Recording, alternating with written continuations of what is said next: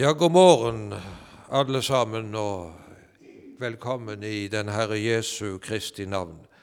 Jeg syns det er så fint å si det. Velkommen i den Herre Jesu Kristi navn. For vi har noen løfter her spesielt for det. Velkommen òg til den som kanskje ikke har vært her før. Det er iallfall langveisfarende, det vet jeg, men jeg tror beinfram ikke de kom så langt bare for å høre på Odd Dubland. Det tror jeg ikke. Vi skal be sammen. Kjære trufaste himmelske Far. Vi ber om signing over ditt ord. Kunne vi få se noe som du ville vi skulle se? Høre noe som du ville vi skulle høre? Og ta imot det som du ville vi skulle ta imot. Amen. Teksten for eh, denne søndag den finner vi i eh, Paulus brev til kolosserne. Vi skal lese fra vers 15.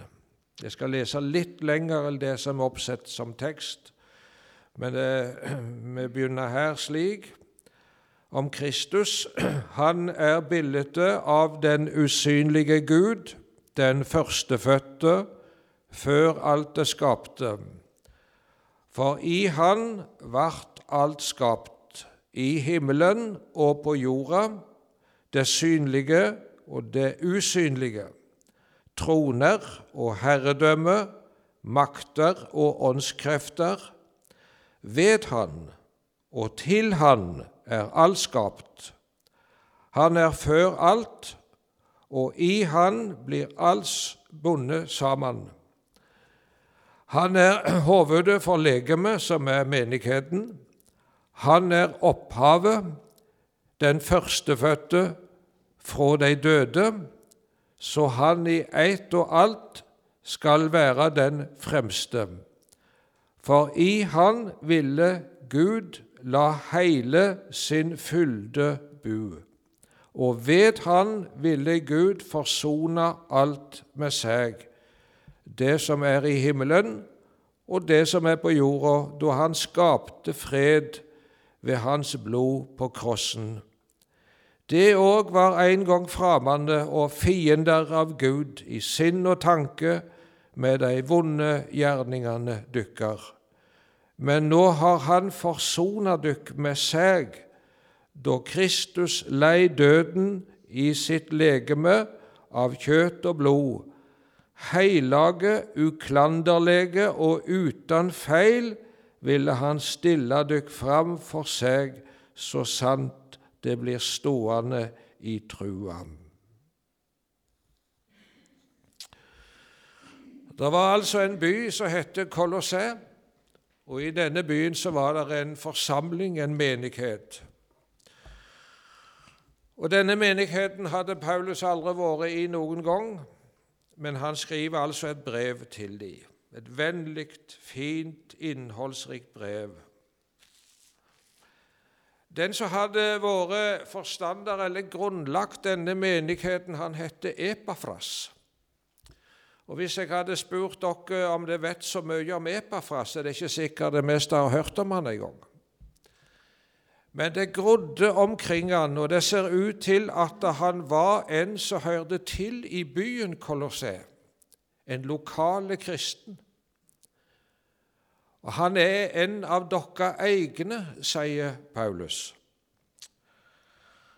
Og I dette brevet så innleder han med det at i hele verden så bærer evangeliet frukt. Tenk det gjorde det. Allerede på Paulus' i tid så ser han hvordan evangeliet blir bredt utover. Og han skriver dette brevet også med litt bekymring. Fordi at det, hadde skjedd ting som han hadde fått hørt om i den kristne forsamlingen det var det at det var en del elementer i denne forsamlingen som hadde liksom forlatt dette med Jesus, og de hadde begynt å dyrke andre ting. For det første så drev de med engledyrkelse. Vi har ei prinsesse i Norge som heter Martha Lovise. Hun driver med engledyrkelse. Det er ikke noe nytt. Men det hun dyrker da, det er tjenerne, medtjenerne våre, og ikke Gud. Hun er abdisert ifra kristendommen. Og så begynner hun å dyrke engler. Et trinn, mange trinn ned. Vi har fått adgang i Jesu Kristi navn, like til Guds hjerte. Men så var det de som begynte å dyrke engler. Og Litt av dette finner du også i vår tid i form av helgendyrkelsen, det det har vært masse av rundt på jord. Vi kan bare tenke i vårt eget land rent historisk sett hvordan Olaf den hellige ble dyrka. Folk valfarta til Nidaros, der skrinet var av han. Helgendyrkelsen. Og det andre som de drev på med, det var, det var faste, eller askese. Og det gjaldt å pine seg sjøl liksom å pine synden ut av kroppen.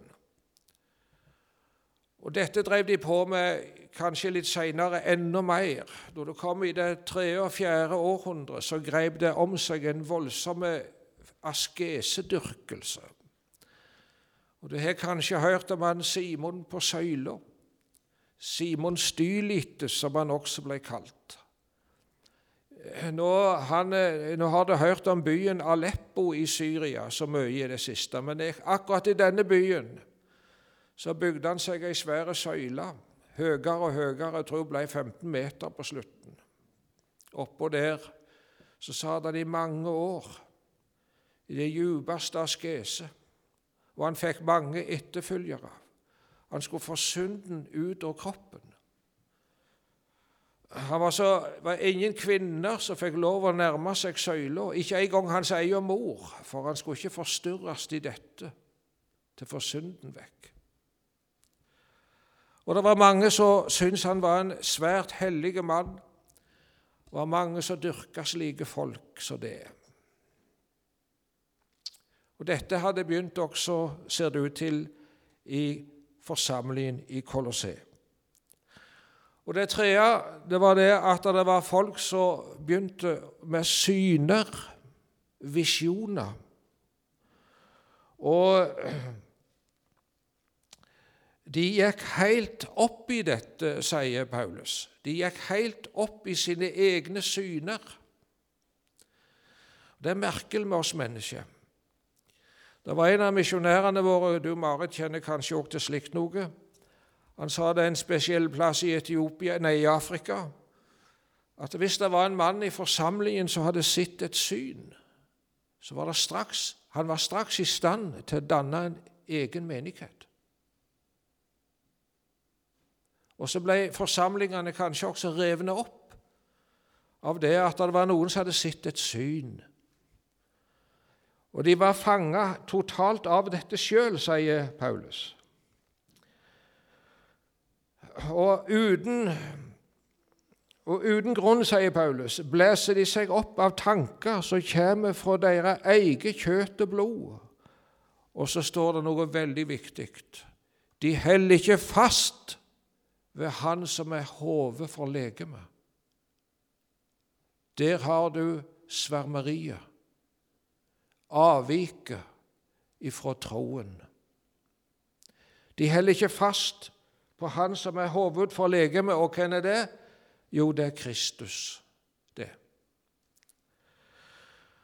Og Paulus han sier det at det er ingenting verdt, dette her. Det har ingen betydning, ingen verdi i hele tatt.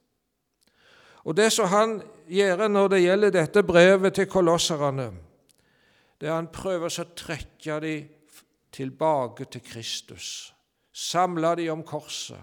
samle dem om forsoningen. Det er her samfunnet med Gud er. Og det var dette vi leser i teksten. Når jeg leste leser denne teksten igjen, så, så tenkte jeg som så at jeg lurer på om eh, Paulus har lest Johannesevangeliet, det første kapittelet. For det er akkurat det samme han skriver. Eller er det Johannes som har lest Paulus? Men han begynner altså å skildre hvem Kristus er, og jeg syns at det er, så, det er så uendelig stort. Eh, der står skrevet det at han er, om Kristus han er større enn englene.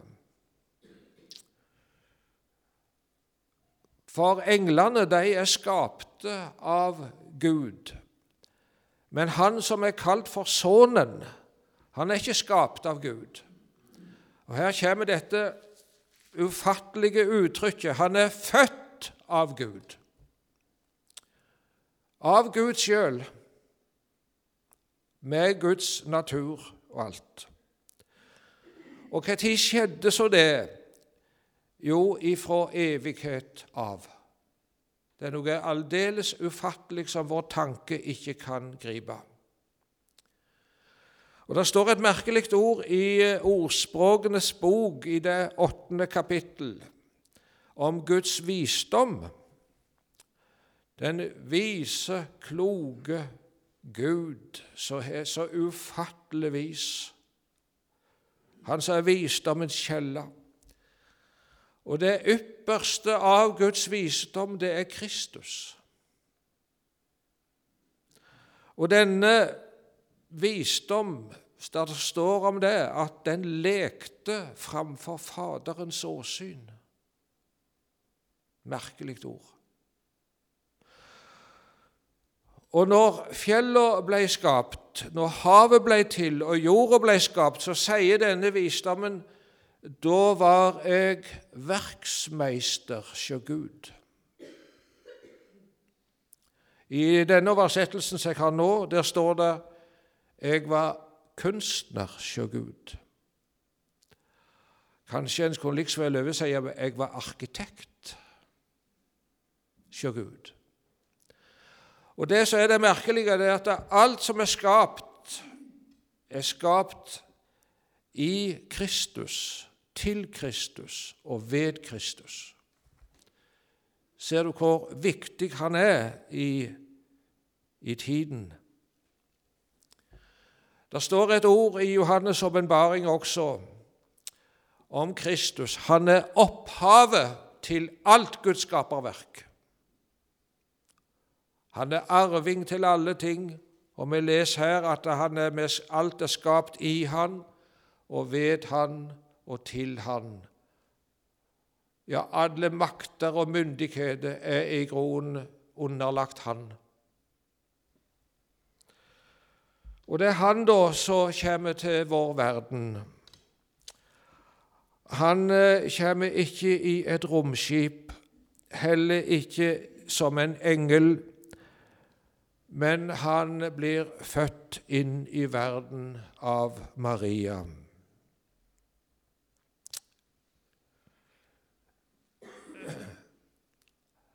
Han kalte seg sjøl for menneskesonen.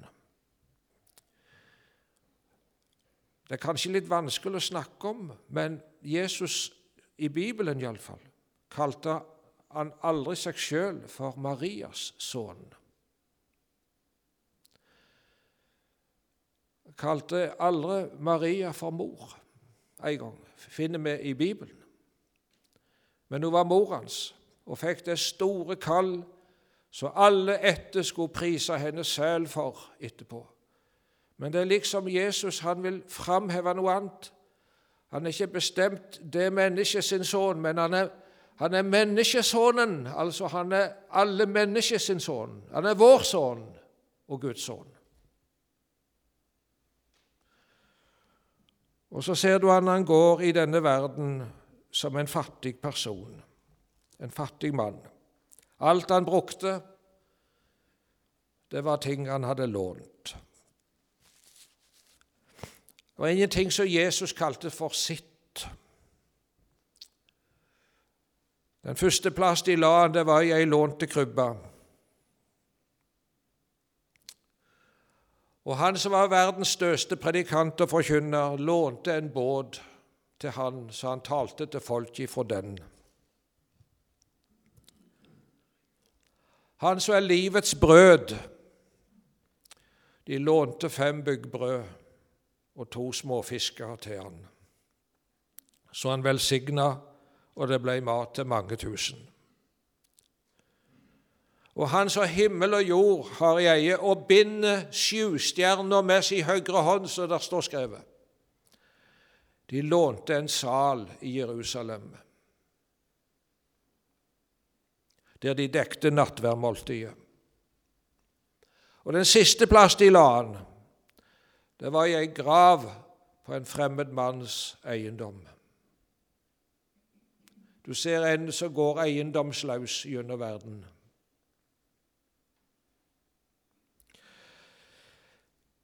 Han, eh, Den eneste som vi kan tenke oss at Jesus kunne kalle som sitt, det var de klær han gikk og sto i. Men de ble revne av han til slutt. Det er mest symbolsk. Han henger avkledt i bunnløs smerte og en bunnløs vanære framfor en folkehop. Du ser fornedrelsen. Her er Han som tilhører all ære gjennom alle evigheter, blir fornedra på det mest bestialske og grusomste måte her på jord. Han steg ned til det lågeste av alt. Det var ingen som tok Jesu liv. Nei, han sier det slik det er ingen som tar mitt liv, sier han, men jeg setter det til av meg sjøl. Der står skrevet det at han uttømte sin sjel til døden. Ja, døden på korset. Derfor så har Gud storlig opphøgt han og gitt han det navn som er over alle navn. Og det er her som Paulus vil trekke kolosserne inn. Det må komme her, folk. Det er her livet ligger. Det er her framtida ligger. Det er her krafta ligger. Til å være opptatt med Kristus. Det er de andre holder på med, det er noe verdiløst skrot i forhold til dette. Han sier det slik Men han, nå har han forsona dykk med seg, da Kristus lei døden i sitt legeme av kjøtt og blod. Og så kommer også dette utrolige ordet heilage, uklanderlige og uten feil ville han stille dykk fram for seg. Altså det vil det si at den som er i Kristus, han er uklanderlige og hellige og uten feil. Er, det er ikke lett for oss å forstå det. For så sant vi har litt forstand i behold, så ser vi våre egne feil. Det er mye vi kan klandres for. Men Kristus i sitt verk har gjort det slik at vi framfor Gud skal være uklanderlige, uten feil. Kan du tenke deg noe så stort? Og Dette ble forkynt til disse kristne i Kolosseum. Og så var det òg noe her som jeg vil ta med Han eh, han sier det òg at Kristus avvæpna maktene og myndighetene ved at han viste seg som seierherre over de på korset. Jeg husker For mange år siden så var jeg i ei kirke lenger nord og talte på noen møter som vi hadde der. Og Der var det et mektig alterbilde. Det, var, det heter 'Nedtagelsen av korset'. Det var en kopi av større, en større kunstner, da. Og Du ser at Jesus sine læresveiner, eller Nikodemus og Josef fra Arimathea, da, firer den døde kroppen ned av korset. En ihælslått og bleik kropp, legeme. Det er et mektig bilde. Det er liksom det, det lyse, tilsynelatende et nederlag, et tap, noe som er gått til grunne, et håp som er slokna.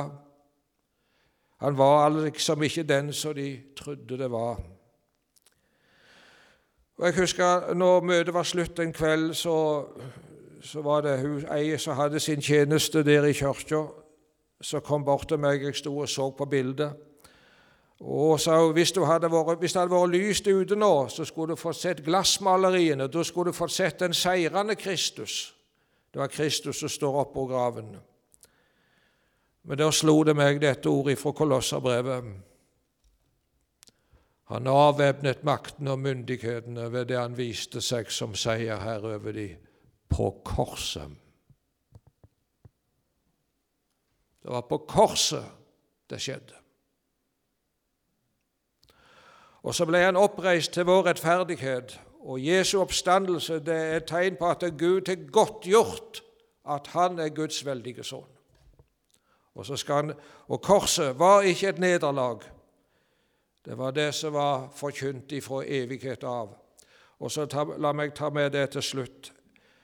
Hva var det som var først av alt før verden ble skapt? Jo, det var sønnen, Guds sønn. Var født av Gud. Og så står dette ufattelige ordet. Han valgte oss ut i Kristus før verdens grunnvoll ble lagt. Eh, det var en del elementer i eh, menigheten i Kolosset som drev med noe som ikke var så lurt, så leser vi. Men jeg må også si det slik at i vår tid så hører vi av og til noen sier det. Ja, vi kan dette med Jesus. Vi må komme videre fra Gud til mer å gi. Da lurer jeg på hvor de er på vei til. For alt som Gud har gitt oss, har Han gitt oss i Kristus. Han har ikke gitt oss noen ting utenom det. Alt som fins av barmhjertighet, nåde, velsignelse, blir gitt oss gjennom korset. Tenk hvor stort. Og la oss ikke skjemmes av Jesu Kristi kors. Det var det som jeg hadde til å dele med dere i dag.